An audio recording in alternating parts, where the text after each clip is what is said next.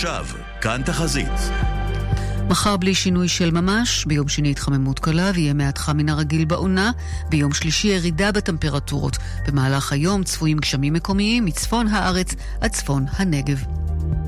עורך החדשות נפתלי מנשה, ועד כאן, מחדר החדשות. הרחבות וידיעות נוספות באתר כאן וביישומון.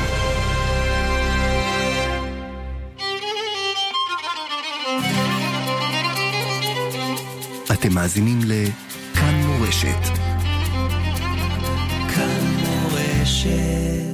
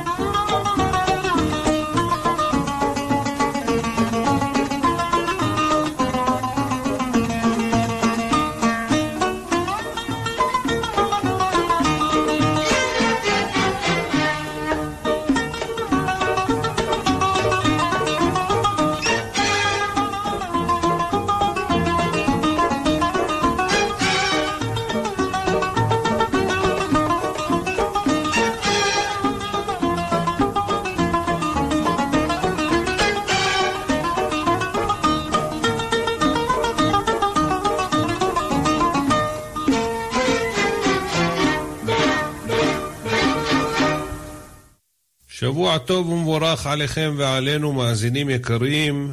אתם מכוונים לרדיו כאן מורשת, ואיתכם עורך ומגיש את התוכנית בכל מוצאי שבת, משה חבושה, לכל המאזינים, ליהודים הייתה אורה ושמחה וששון וקר. אורה זה תורה, ונאמר בקיצור מה קראנו היום בתורה. ואתה תצווה את בני ישראל, ויקחו אליך שמן זית זך, כתית למאור, להעלות נר תמיד. יש לנו ציווי מהשם יתברך, שיהיה בבית המקדש תמיד שמן למאור, כמו שנאמר, להעלות נר תמיד. אחרי כן הכהנים ובגדי הכהונה, ואתה אקרב אליך את אהרון אחיך ואת בניו איתו מתוך בני ישראל, לך הנולי, אהרון, נדב ואביהו, אלעזר ואיתמר בני אהרון. ומה הם הבגדים? ואלה הבגדים אשר יעשו חושן, ואפוד, ומעיל, וכתונת תשבץ, מצנפת ואבנת. ועשו בגדי קודש לאהרון אחיך, ולבניו לך הנולי. וכן ציווי מעשה האפוד, ועשו את האפוד, זהב, תכלת, וארגמן, ותולעת שני, ושש מוש זר, מעשה חושב. אחרי כן ציווי מעשה החושן, ואכילת בשר הקודשים, כמו שנאמר, ואכל אהרון ובניו את בשר העיל ואת הלחם אשר בסל פתח אוהל מועד. לאחר מכן קידוש המזבח, ופר חטא תעשה ליום על הכיפורים, וחיטאת על המזבח, וכפרך עליו, ומשחת אותו לקדשו. מצוות עולת התמיד, את הכבש האחד תעשה בבוקר, ואת הכבש השני תעשה בין הערביים. והשראת השכינה, כמו שנאמר, ונועדתי שמה לבני ישראל ונקדש בכבודי, וקידשתי את אוהל מועד ואת המזבח ואת אהרון ואת בניו אקדש לכהן לי. ושכנתי בתוך בני ישראל, והייתי להם לאלוהים, וידעו כי אני אדוני אלוהיהם אשר הוצאתי אותם מארץ מצרים לשוכני בתוכם, אני אדוני אלוהיהם. אחרי כן יש לנו את ציווי מזבח הזהב, כמו שנאמר, וציפית אותו זהב טהור, את גגו ואת קירותיו סביב ואת קרנותיו, ועשית לו זר זהב סביב. פרשתנו מסיימת, וכיפר אהרון על קרנותיו, אחת בשנה, מדם חטאת הכיפורים אחת בשנה יכפר עליו ודורותיכם, קודש קדשים הוא לאדוני. וכאן מסתיימת פרשת תצווה, וניגש למלאכתנו. מאזינים יקרים, שתהיה לכם האזנה ערבה ושמחה, ונתחיל בפיוט הראשון.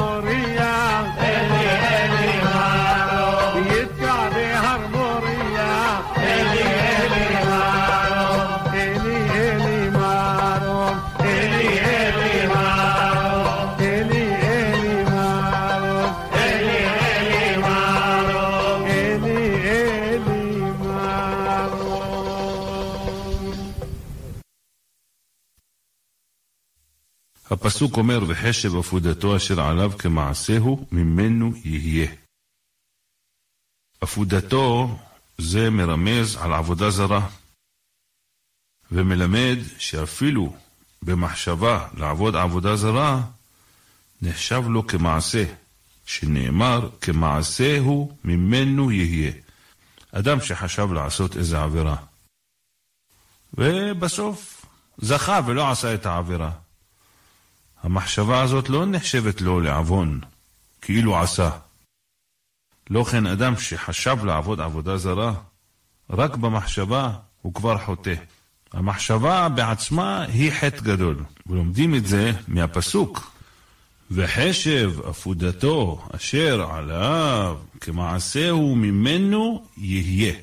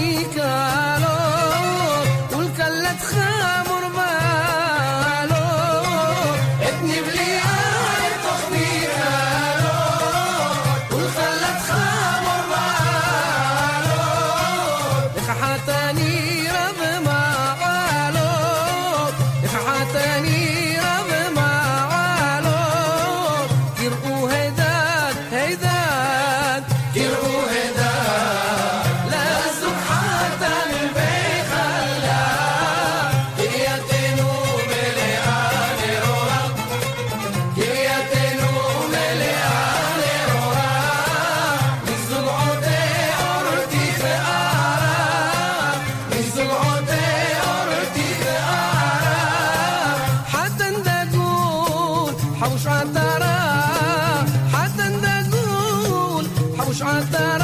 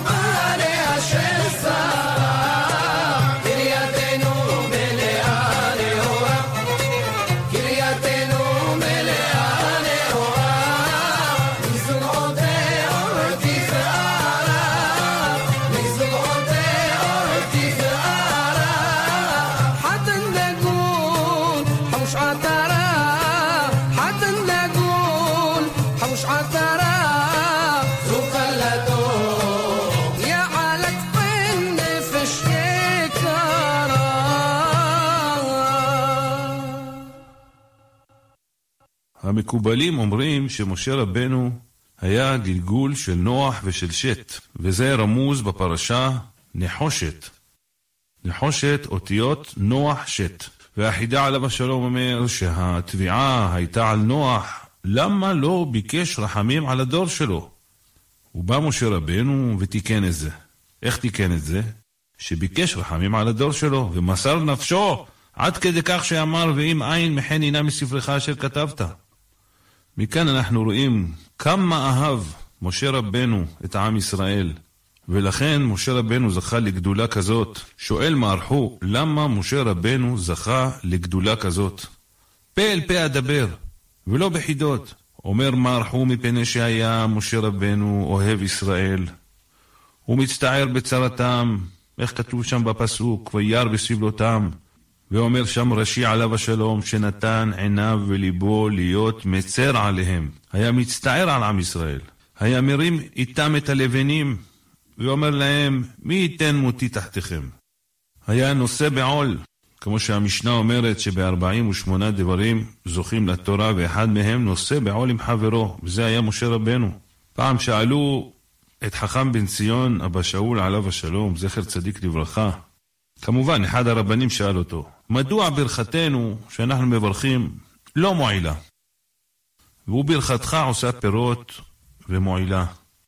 ענה להם חכם בן ציון, אם אתם תאהבו את ישראל כמותי, כשבא אליך בן אדם ומבקש ממך ברכה, אם אתם תאהבו אותו כמו שאני אוהב אותו, אז ברכתכם תתקיים.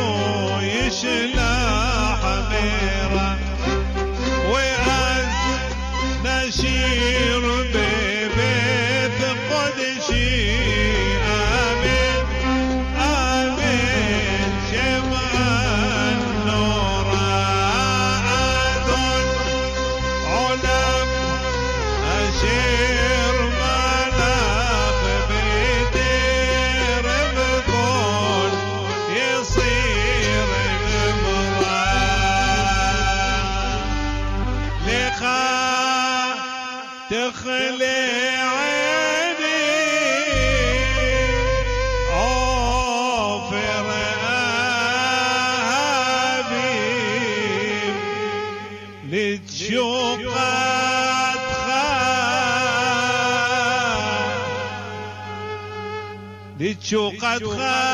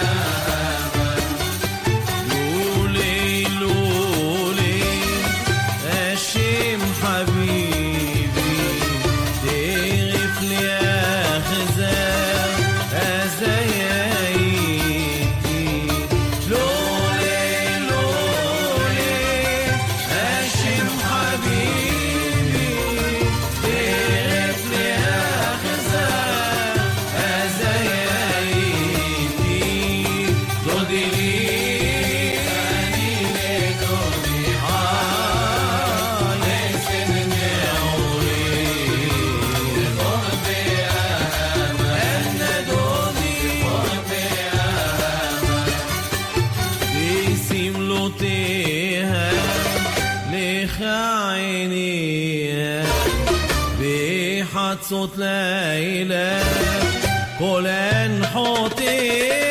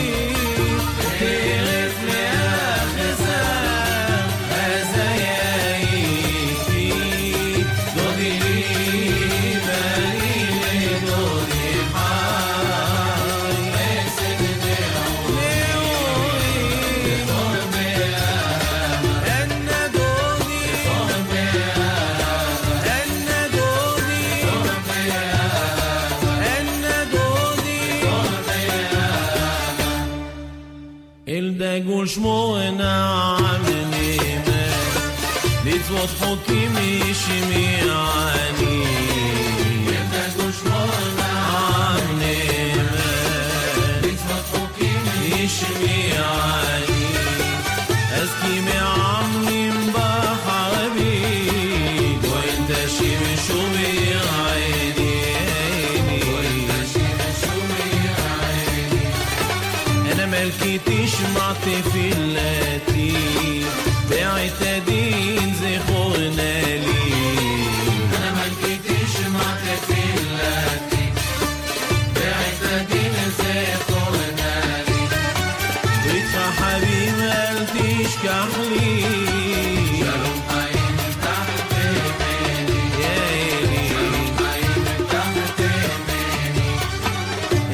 bourgeois now.